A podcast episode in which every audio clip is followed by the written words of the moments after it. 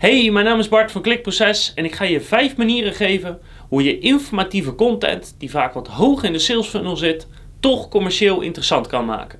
Dus ik ga je precies vertellen over wat voor soort zoekwoorden en zoekopdrachten ik het heb, waarom die normaal gesproken niet echt interessant zijn commercieel gezien, maar hoe je er toch geld aan kan verdienen. En ik geef je natuurlijk een paar tips van hoe je dat praktisch uitvoert. In elke branche zitten wel informatieve zoekwoorden. Sterker nog, meestal zijn dat er veel meer dan de koopgerichte zoekwoorden.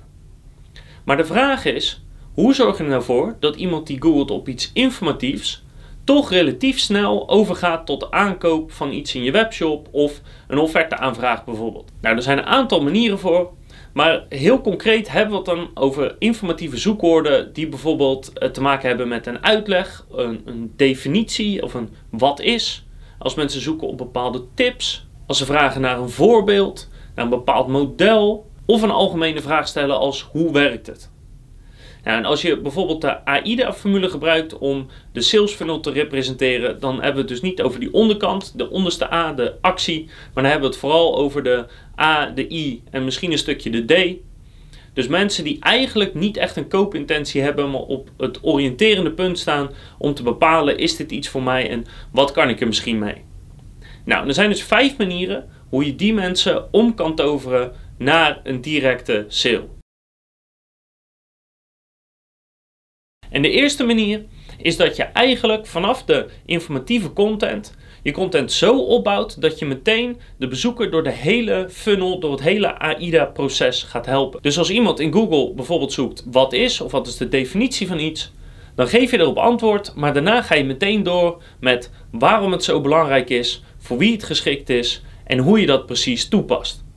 En je zorgt ervoor dat je dat vrij duidelijk en vrij praktisch doet, zodat iemand eigenlijk aan het oriënteren was en meteen verder gaat, verder gaat door die cyclus gaat, verder door die sales funnel gaat en denkt, hey, dit is interessant, hier heb ik misschien wat aan. En aan het einde van het artikel dat hij meteen start met het gebruiken van jouw software of meteen overgaat tot een offerte aanvraag of een product aanschaft. Dus eigenlijk door een complete uitleg te geven van A tot Z, help je iemand meteen die sales funnel door binnen dezelfde pagina, zonder dat die persoon daar misschien in het begin over na had gedacht. En natuurlijk werkt dat niet altijd meteen en sommige mensen zoeken nou eenmaal echt gewoon de definitie en gaan daarna weer weg. Maar je zal merken dat als je de content zo opstelt dat eigenlijk mensen alles kunnen vinden over een bepaald onderwerp op één pagina en die echt ingericht is om mensen door die hele sales, sales funnel heen te trekken, dat je verkopen kan genereren uit simpele vragen als geef eens een paar tips over dit of wat is de definitie van dat. De tweede manier is dat je een complete uitleg geeft van hoe iets werkt en dan heel praktisch en heel duidelijk advies geeft. En binnen dat advies verwerk je jouw software of jouw tool, jouw producten of diensten, werk je heel duidelijk erin. Dus stel dat iemand zoekt over tips, dan geef je hem bijvoorbeeld 10 tips maar bij elk van die tips geef je een hele praktische handleiding van wat de tip is, hoe die die kan uitvoeren en wat daarvoor nodig is. En dat wat daarvoor nodig is, dat is meestal waar jij je geld aan kan verdienen.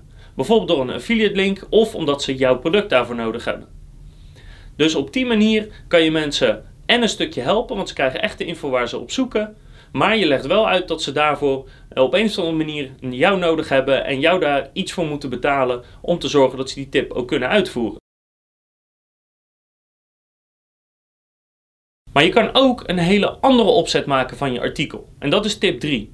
En dit is iets wat je heel veel op events ziet, wat heel veel marketingbureaus doen, wat je in heel veel webinars hebt. En dat werkt eigenlijk als volgt. Je geeft helemaal niet een duidelijke uitleg, je geeft helemaal geen praktische uitleg. Nee, je geeft eigenlijk een hele vage uitleg die heel goed voelt of heel concreet voelt voor degene die het leest. Dus je legt wel uit wat iets precies inhoudt en waarom dat zo goed is of zo belangrijk is. En je geeft een soort strategisch overview van hoe je dat dan uit kan voeren. Maar als ze echt willen weten hoe je dat uitvoert en de nuances en wat je wel moet doen en niet moet doen, dan moeten ze jouw product kopen. Of dan moeten ze jou inschakelen. Of dan hebben ze in elk geval jou voor nodig en daarvoor moeten ze op een bepaalde manier betalen. En dat zie je heel veel op events. Hè? Dan heb je een super spannende titel. En dan wordt er in feite gewoon een product gepitcht of een dienst gepitcht tijdens dat event. En aan de ene kant denk je dan van nou, het heeft me wel geïnspireerd, ik heb er wat aan gehad. Maar tegelijkertijd denk je ook ja, als ik dit nu zelf wil uitvoeren, dan kan ik dat helemaal niet, want, want daar snap ik nog steeds niet genoeg van. Dus uitleggen wat iets inhoudt, waarom het belangrijk is en een strategisch overview van hoe het werkt. Maar voor de echte hoe het werkt, hebben ze dus jou nodig of je product. Wat je ook kan doen, is het andere uiterste opzoeken van die basisuitleg. En dat is namelijk dat je een zeer gedetailleerde uitleg gaat geven, maar waarbij je heel erg de nadruk gaat leggen op hoe complex het proces is en welke nuances erin voorkomen en wat de gevolgen zijn als je dat niet goed doet. En op die manier zeg je eigenlijk tegen de bezoeker: nou, kijk eens, ik leg het helemaal uit, je mag het zelf doen, maar weet wel dat er ongeveer 48.000 verschillende risico's zitten aan als je het zelf doet.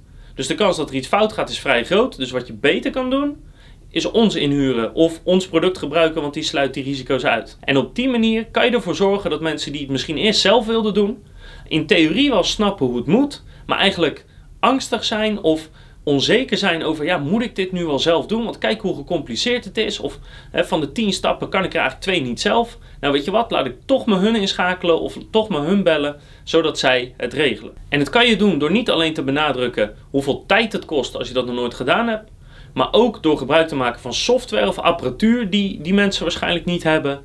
Of door te laten zien hoeveel moeite het kost en dat het lastig is om een fout te herstellen als die gemaakt is. Dus op die manier kan je eigenlijk um, iets verkopen wat mensen misschien eerst zelf wilden gaan doen.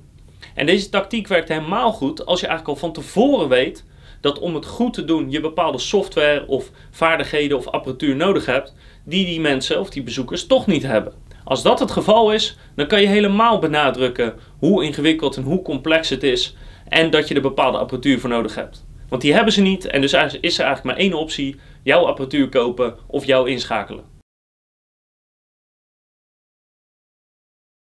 En de laatste optie is eigenlijk de minst interessante optie om eerlijk te zijn. Maar dat is eigenlijk als je die vorige vier manieren niet passen op een of andere manier. Terwijl in feite moet één van die manieren altijd wel passen. Maar stel dat je dat niet wil, of het past niet, of het kan niet, of noem het maar op. Kan je altijd proberen om iemand vanuit je content in elk geval aan je te binden. Door ze in te laten schrijven voor een nieuwsbrief. Door ze met een content upgrade iets extra's te geven. Bijvoorbeeld nog 10 extra tips. Download het complete stappenplan. Hier heb je een calculator voor jezelf. En als ze dan jou volgen via social media, als ze ingeschreven zijn op je nieuwsbrief, als ze connectie zijn op LinkedIn, dan kan je op die manier toch met ze in contact blijven. Want misschien dat als ze er zelf mee aan de slag gaan, ze toch op termijn de komende maanden hulp nodig hebben. En hopelijk denken ze dan aan jou. En dat is het. Dat zijn eigenlijk vijf supergoeie manieren om informatieve content toch commercieel aantrekkelijk te maken en eigenlijk direct sales, leads of omzet uit te scoren. Ik wens je heel veel succes met het toepassen van deze tips. En ik zie je graag terug bij de volgende keer, want heb ik nog veel meer tips over SEO, over conversieoptimalisatie, over voice en over YouTube.